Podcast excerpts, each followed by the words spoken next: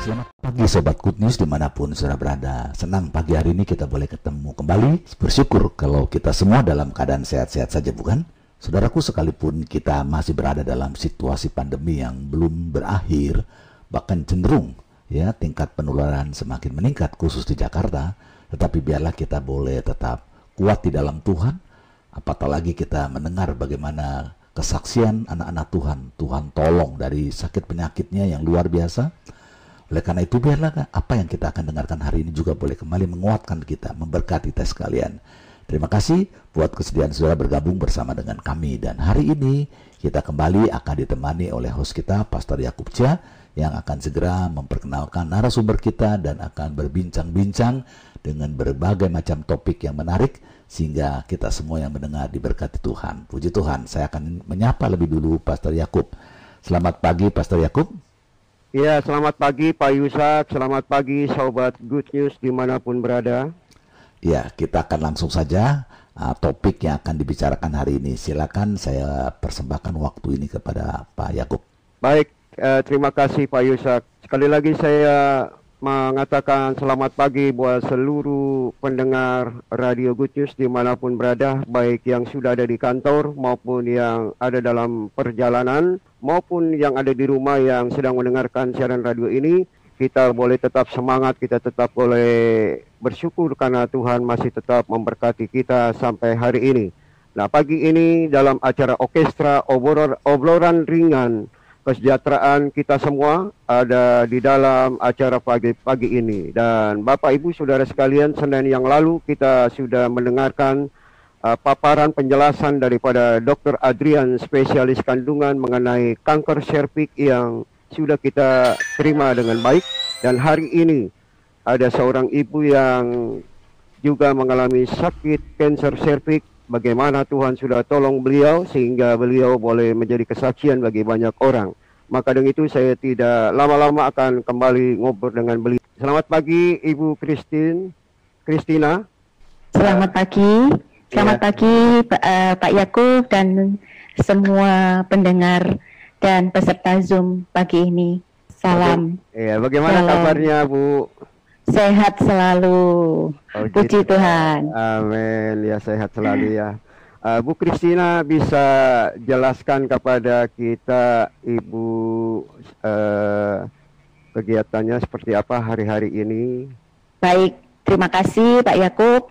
Uh, saya perkenalkan nama saya nama panjang saya nama saya panjang sekali ya Yuyun Kristina Kusuma Dewi biasa saya dipanggil Ibu Kristina usia saya sekarang 50 nanti bulan April nanti saya sudah genap 50 tahun sudah sudah masih muda ya Pak Yakub ya? Masih masih muda. Masih muda ya. Saya mempunyai dua orang uh, anak. Yang pertama uh, putri, yang kedua putra, yang pertama usia 25 tahun, yang kedua usia 23 tahun. Dan sampai saat ini saya masih berkarya uh, dan bekerja di uh, satu grup perusahaan, perusahaan logistik di Surabaya. Uh, saya berterima kasih sekali pada kesempatan ini saya uh, memberikan putih perkenankan memberikan kesaksian saya uh, betapa kasih Tuhan yang begitu besar dalam hidup saya. Ya, itu kira-kira Pak Yakub. Iya, terima kasih buat Ibu Kristina yang sudah menjelaskan aktivitas beliau hari-hari ini dan boleh saya bertanya apakah Bu Kristina uh, tidak terganggu dengan uh, pengobatan yang Ibu sedang jalankan atau memang sudah selesai pengobatannya? Oh, uh, saya pengobatan sudah selesai Pak Yakub, sudah selesai tahun 2009 awal, dari April 20, 2019 sorry. Itu sudah selesai, saya menjalani komplit semua treatment, yaitu kemo radiasi, begitu. Dan sekarang uh, uh, saya merasa sehat-sehat saja, memang ada efek-efek dari kemo uh, ataupun radiasi yang kita rasakan ya tapi semua itu sih saya anggap sudah ya sudah kita uh, kita terima karena itu memang efek dari pengobatan dan fine-fine saja saya sekarang. Okay. Puji Tuhan. Puji Tuhan luar biasa ya uh, Bu Kristina dalam keadaan sehat yang luar biasa kalau saya lihat dari Zoom ini ya. Iya. Uh, uh, uh, baik uh, Ibu Kristina bahwa kanker serviks itu yang paling terbanyak kedua setelah kanker payudara yang paru, payudara yang diderita perempuan di Indonesia. Setiap hari ada 50 perempuan meninggal karena kanker serviks di Indonesia.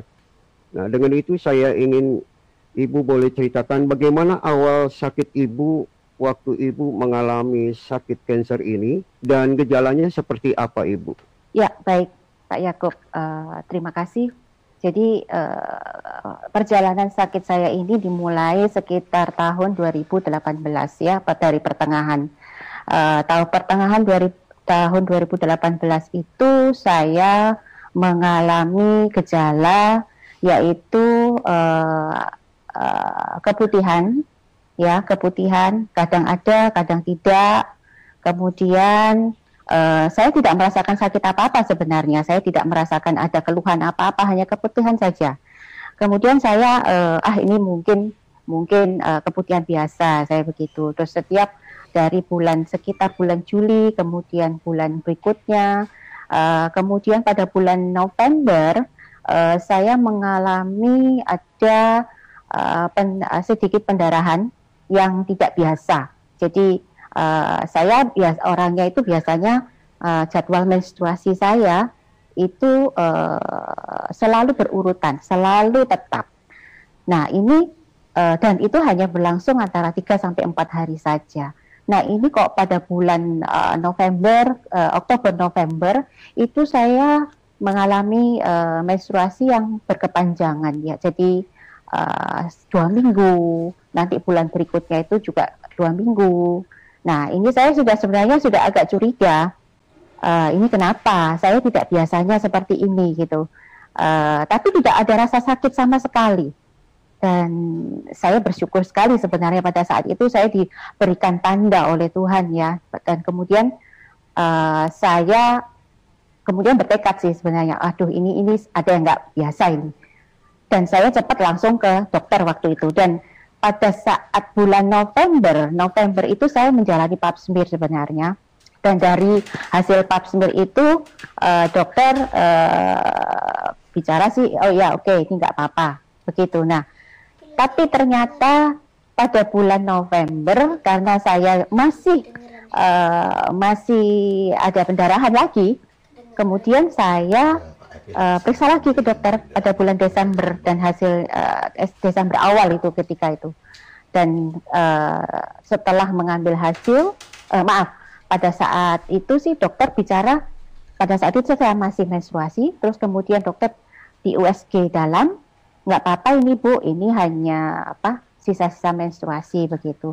Cuman pada saat berdiskusi dengan dokter itu saya feeling saya itu tidak masih tidak enak jadi hati saya berkata, pasti ada yang nggak beres ini.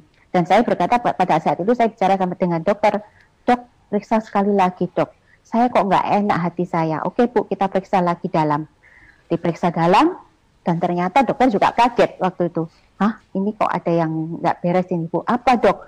Dan pada saat setelah diperiksa, udah ya, ini saya ambil ya, ini saya biopsi sekalian. Wah, saya langsung hati saya sudah agak ciut sudah. Ini kenapa? Ini ada apa? Saya gitu. Dan selama ini saya fine merasa fine saja ya. Uh, ternyata hasilnya saya terus hasilnya kemudian dia diambil. Saya datang ke dokter tanggal 8 Desember waktu itu kalau nggak salah. Dan dokter menjelaskan ini ibu karena saya menemukan pada saat itu bertemu dengan dokter yang to the point ya. Dokternya masih muda to the point sekali. Jadi langsung dokter bicara ibu uh, ini ibu dari hasil tes ibu terdiagnosa kanker cervix uh, stadium 2B. Saya pada saat itu langsung wow, saya gitu, langsung benar ini dok saya gitu. Ini benar saya kena ini. Iya benar ibu. Dan ibu saya sarankan uh, dokter pada saat itu langsung menjelaskan ini begini begini begini. Saya langsung sudah sudah tidak bisa mendengarkan penjelasan dokter sama sekali. Dan kebetulan memang pada saat itu uh, ada suami saya yang memang harus harus berdua pada saat pembacaan hasil itu uh, dan uh, dokter langsung bicara bahwa uh, ini begini begini begini begini saya cuma langsung bertanya, dok, harapan hidup saya berapa lama? Saya saya bisa hidup berapa lama ini? Dokter bicara, oh ini dari il, sisi keilmuan begini, begini, begini, begini, 70% dan lain-lain. Oh ya Tuhan, saya gitu. Hidup saya masih kira-kira saya hitung waktu itu karena saya pengetahuan saya uh, limit sekali, kecil sekali. Wah kalau lima tahun, kalau tujuh persen berarti saya tiga tahun lagi dong dok saya gitu. Terus kemudian dokter menjawab tidak seperti itu ibu, ya, kemudian dijelaskan macam-macam macam. Tapi waktu itu hati saya memang waduh siapa pun yang saya yakin kalau difonis dengan penyakit yang uh, boleh dikatakan adalah terminal ill ya itu sungguh-sungguh luar biasa. Luar biasa. Saya minta maaf yang dari background saya yang memang dari sisi pekerjaan saya yang membutuhkan strong. Saya ini dikenal dengan wanita strong ya pada saat di kantor ya. Benar-benar saya langsung down. Saya merasa bahwa itu adalah titik terendah dalam hidup saya. Ya kemudian uh, kita pulang dan apa dalam perjalanan pun dan puji Tuhan suami saya tetap memberikan uh, uh, memberikan semangat, memberikan spirit ya kita hadapi bersama. Nah, tapi ya saya sepertinya biasa-biasa saja. Tapi saya uh, malah mengalami juga hal-hal yang penyangkalan dan lain-lain ya. Saya merasa kenapa saya tidak mungkin ah saya seperti ini tidak mungkin dan itu saya sangat down sekali. Dan, karena saya merasa fine-fine saja, baik-baik saja, tidak ada keluhan lain selain pendarahan. Dan pada saat itu benar-benar saya merasa hidup saya sudah hancur. Hidup saya sudah, aduh ya Tuhan, kenapa kau berikan hal yang seperti ini dalam hidup saya?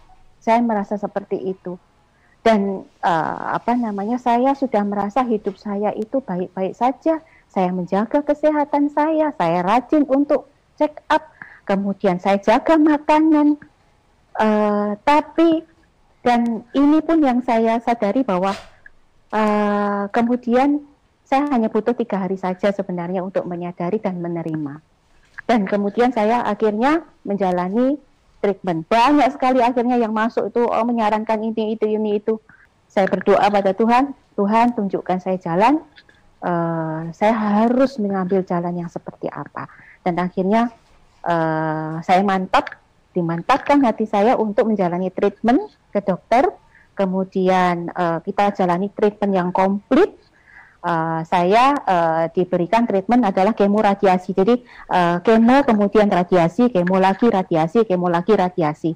Dan itu sungguh luar biasa berat sekali.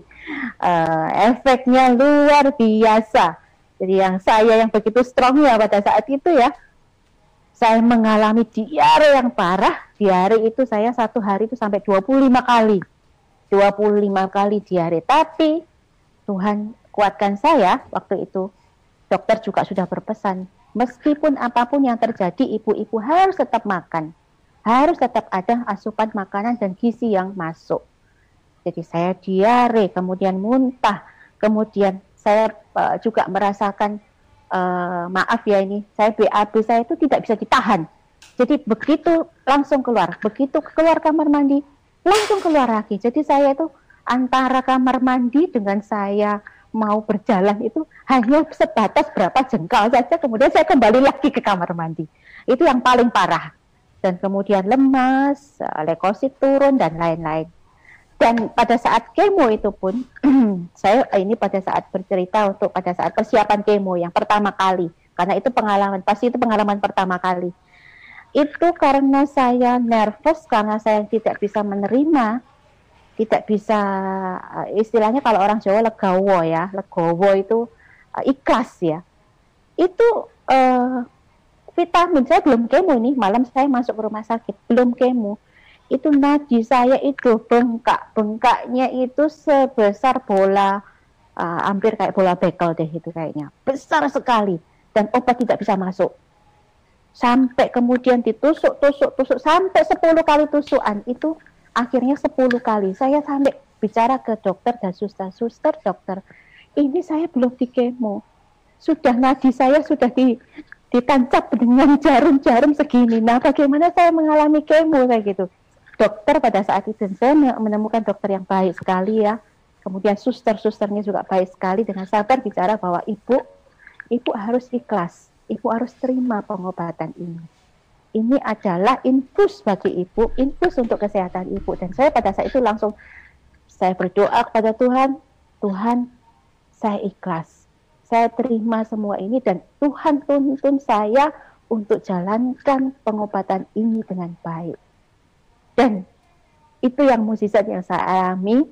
Setelah saya berdoa, setelah saya mengikhlaskan semuanya, jarum itu kemo, jarum uh, infus yang untuk kemo itu satu hari seharian sudah nggak ganti-ganti dan dia masuk satu tusukan selesai dan saya tidak merasakan apa-apa Puji Tuhan sekali. Kira-kira itu dan saya menjalani treatment itu uh, tidak putus ya Pak, tidak putus. Jadi uh, apa? Kemo, radiasi satu satu hari kemo, kemudian lima hari radiasi, satu hari kemo, lima hari radiasi sampai saya menerima lima kali kemo, 25 kali radiasi dan pada saat itu diperiksa uh, karena alat tidak bis, harusnya ada tiga kali radiasi dalam, tapi uh, karena di, di, diusahakan masuk itu alat tidak bisa masuk. Akhirnya saya terima radiasi luar 10 kali lagi. Jadi saya terima 35 kali radiasi dan 5 kali kemo. Dan kira-kira seperti itu uh, apa treatment saya Pak. Dan luar biasa. Efek-efeknya luar biasa. Kuku itu lepas Pak, Pak Yakub kuku saya lepas. Wajah menghitam rambut rontok semua dan akhirnya saya gundul terus saya merasa penglihatan saya itu juga agak kabur terus limbung sering limbung. Ah, banyak sekali yang yang saya rasakan pada saat itu. Tapi uh, puji Tuhan Tuhan bisa lewat uh, bantu saya pimpin saya untuk bisa lewatkan itu. Puji Tuhan luar biasa. Uh, ya. Bu Kristina waktu dalam sinar dan kemo itu uh, bagaimana reaksi dari tenggorokan itu? Ada kendala tidak untuk makan dan minum uh, kebetulan saya hanya mengalami sedikit sedikit uh, sedikit kendala. Jadi sedikit ada sariawan, tapi uh, dokter sudah berpesan bahwa tidak boleh makan terlalu panas, maaf uh, terlalu dengan suhu yang terlalu panas dan terlalu dingin. Kemudian hindari yang asam-asam, kemudian pedas dan lainnya. Jadi saya memang menjaga itu. Saya jaga itu. Jadi akhirnya uh, apa kemudian saya sering kumur yang kumur kumur dengan saat itu sih saya masih tahunya betadin ya jadi saya kumur dengan betadin gitu ya. Jadi uh, keluhannya tidak terlalu parah kalau untuk yang apa uh, uh, mulut dan tenggorokan tapi yang paling parah saya adalah diare. Karena uh, itu kan berdekatan sekali dengan saluran kencing dan saluran uh, ini ya uh, saluran BAB jadi keluhan saya itu di BAB luar biasa kak luar biasa. Begitu. Luar biasa ya, puji Tuhan. Kristina, dalam proses itu sampai sekarang apakah ada masih konsumsi obat? Kebetulan uh, obat itu kemarin sudah diberi sudah di terakhir diberikan dokter uh, apa untuk uh, ada tambahan untuk kemo oral tapi sudah selesai dan ini sudah saya sudah tidak sama sekali sudah tidak mengkonsumsi obat sama sekali ya. Ya, ja, jadi dalam proses pengobatan saja dikasih obat oral ya? Ya, ha, sudah selesai. Sudah selesai. Ya, sudah selesai. Baik. Uh, mungkin uh, saya bisa ceritakan lagi salah satu efek yang saya sangat berasa ya. ya ini uh, efek ini saya ceritakan supaya memberikan spirit bagi semuanya saja yang menjalani kemo, menjalani radiasi atau treatment untuk uh, cancer apa pun itu, memang itu semua harus kita alami. Nah, salah satu menjadi salah satu efeknya. Tapi kita harus percaya dan kita melatih tubuh kita untuk kembali menjadi normal lagi yang tadinya tangan saya itu kaku sekali Pak. Yakub jadi seperti kayu. Kalau kalau bangun tidur itu kayak kayu. Kaku sekali dan tangan dan kaki. Tapi saya uh, terus berlatih. Jalan aja saya uh, 5 menit 10 menit pada saat itu sudah ngos-ngosan. Tapi tetap saya berlatih tetap saya berlatih. Berlatih untuk uh, apa namanya dan semangat itu yang paling penting semangat untuk kembali normal lagi dan puji Tuhan semuanya saya semua normal sekarang Amin, puji Tuhan. ya, pesan yang sangat luar biasa. Kita tetap harus semangat ya dalam ya. menjalankan proses pengobatan maupun lagi dalam sinar dan kemo yang sedang dilangsungkan dalam pengobatan. Nah, apakah sakit ibu yang ibu alami ini, apakah ada mutasi gen? Puji Tuhan sampai saat ini tidak ada. Puji Tuhan, ya tidak ada. Jadi terakhir saya kontrol, saya kontrol uh, tiga bulan, ini sudah tiga bulanan dan dokter periksa, uh, sudah periksa dalam, saya sudah USG abdomen, kemudian foto torak dan lain-lain, uh, itu bersih, puji Tuhan. Amin, puji Tuhan, luar biasa ya. Ya. Uh, pengalaman ibu yang sangat memberkati kita, yang pada saat ini kita boleh mendengar dengan luar biasa. Baik sobat Gustus di mana pun berada, apabila ada Bapak Ibu yang ingin bertanya kepada narasumber kita, silakan hubungi kami di 0818 769161 atau 0818 941137 untuk kami boleh sampaikan kepada narasumber apa yang Bapak Ibu ingin tanyakan. Baik untuk sementara ini kita akan rehat sejenak untuk mendengarkan sebuah lagu.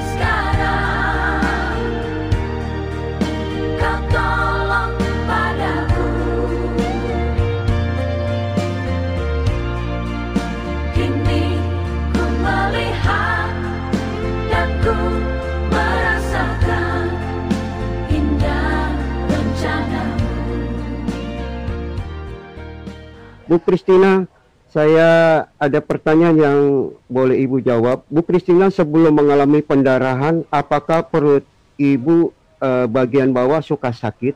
Uh, mungkin ya, ya mungkin ya. Tapi itu mungkin alarm juga ya, uh, Pak Yakub ya. Jadi kadang-kadang itu ada rasa, ada nyeri-nyeri ya, nyeri-nyeri sedikit, sometimes nyeri-nyeri sedikit ya, seperti itu. Baik. Nah, pertanyaan yang kedua, bagaimana Ibu mengatasi mitos-mitos atau pandangan-pandangan negatif seputar penyakit serviks Ibu? Oke, okay.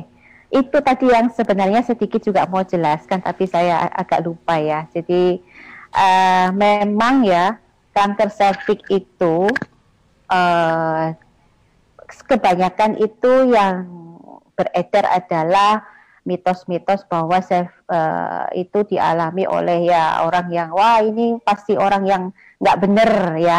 Nggak orang yang uh, hidupnya tidak benar seperti itu. Tapi sebenarnya itu bisa dialami oleh setiap wanita yang sudah uh, melakukan hubungan seksual atau sudah berumah tangga. Itu ya. Jadi itu bisa terjadi di semua wanita. Dan itu yang harus kita tekankan bahwa ilmu uh, pengetahuan-pengetahuan itu yang kita harus sebarkan ke semua uh, wanita Indonesia bahwa rajin-rajinlah untuk uh, periksa. Jadi periksa ke dokter karena kita tidak bisa melihat sendiri uh, organ dalam kita, yang bisa melihat adalah dokter. Jadi itu yang memang uh, yang uh, saya sesalkan dalam uh, hati saya sebenarnya ya, tapi uh, jangan sampai terjadi di wanita lain seperti saya. Jadi uh, ini juga pesan yang akan saya sampaikan kepada ibu-ibu uh, semua wanita yang di Indonesia bahwa uh, Anda harus rajin untuk periksa. Ada keluhan apa? Anda cepat untuk periksa. Jangan tunggu ada uh, ini ya, ada ada keluhan muncul sebenarnya ya.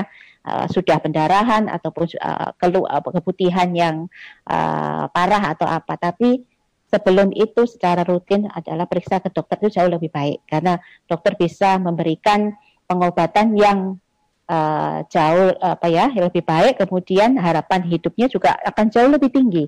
Seperti itu. Dan uh, saya juga berterima kasih sekali sekarang ini saya bergabung di satu grup yang CISE ya, yang uh, itu para survivor cancer ya. Jadi itu kita kita di sana tuh saling menguatkan, saling berbagi pengalaman dan itu memang perlu untuk para survivor dan para warrior. Seperti itu kira-kira. Oke, okay, terima kasih uh, Ibu Kristina. Bu Kristina ini di Zoom kita ada teman yang bernama Ibu Tri, dia bertanya seperti ini Makanan okay. ap, makanan apa yang paling harus dihindari? Gorengan dan gula apa Ibu Yuyun masih konsumsi?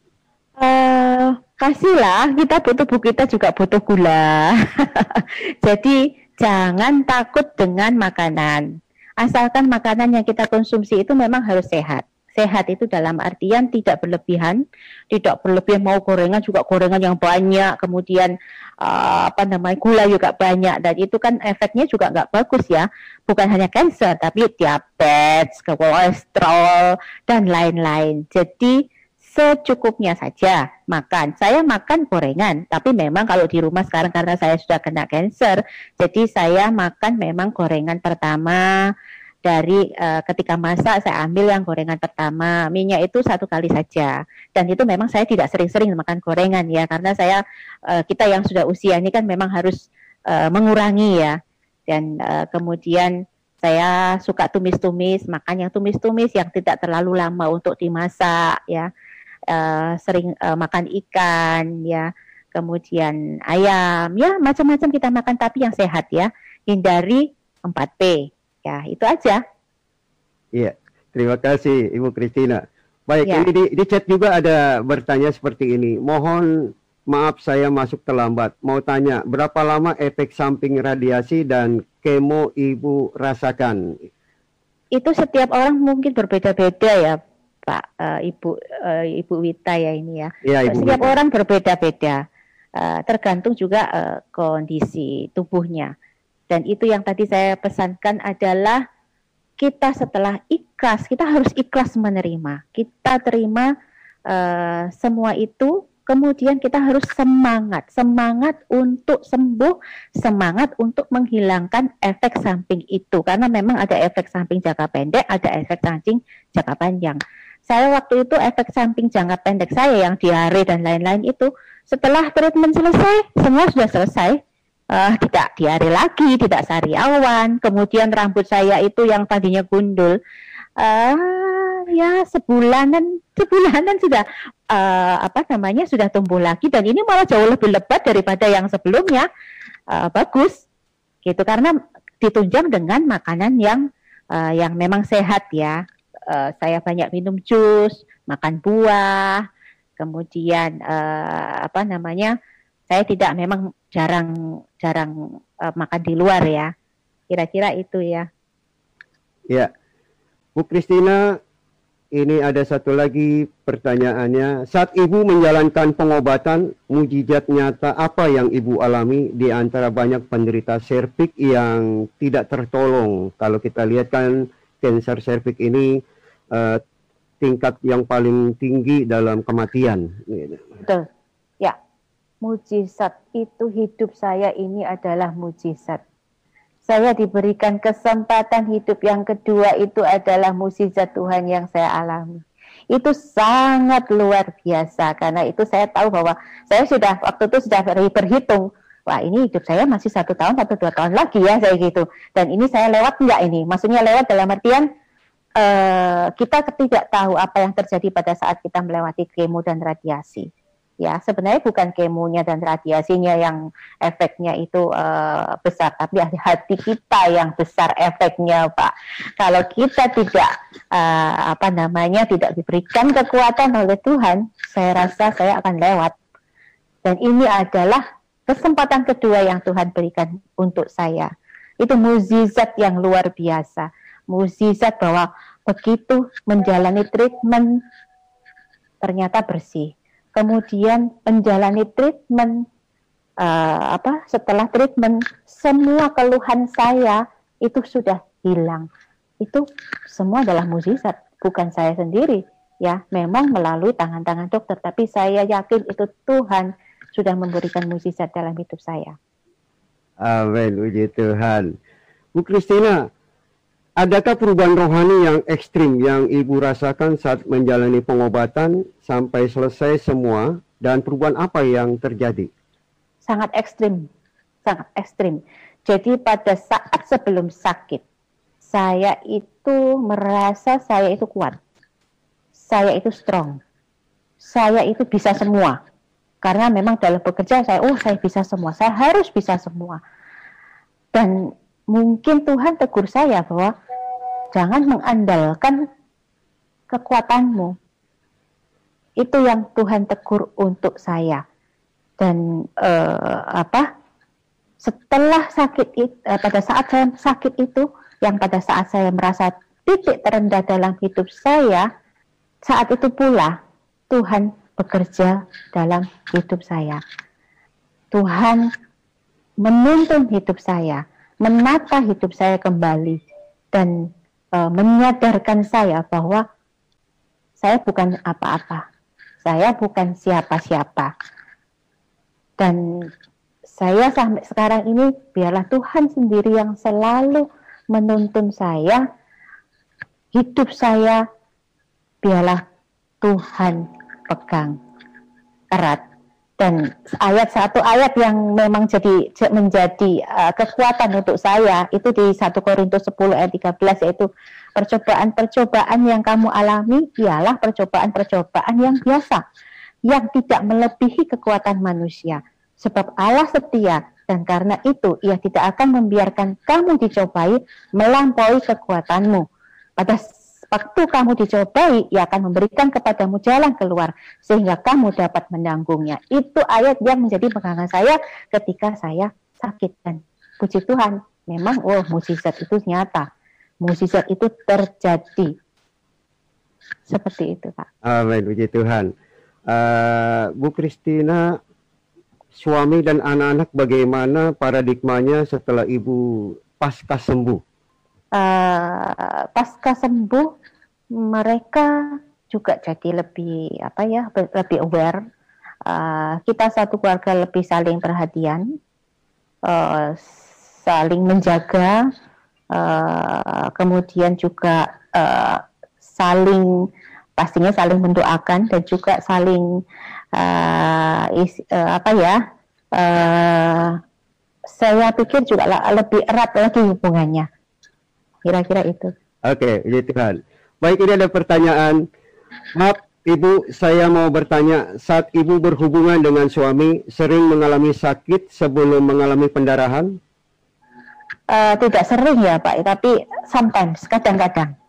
Kadang-kadang itu mungkin juga pertanda dan uh, mungkin itu juga menjadi uh, apa pengetahuan juga untuk ibu-ibu semua bahwa jika mengalami seperti itu ya mengalami ada sedikit sakit ketika berhubungan kemudian ada pendarahan ada keputihan itu yang uh, memang tanda-tandanya untuk uh, ada ada sesuatu di yang terjadi di, di area kewanitaan kita.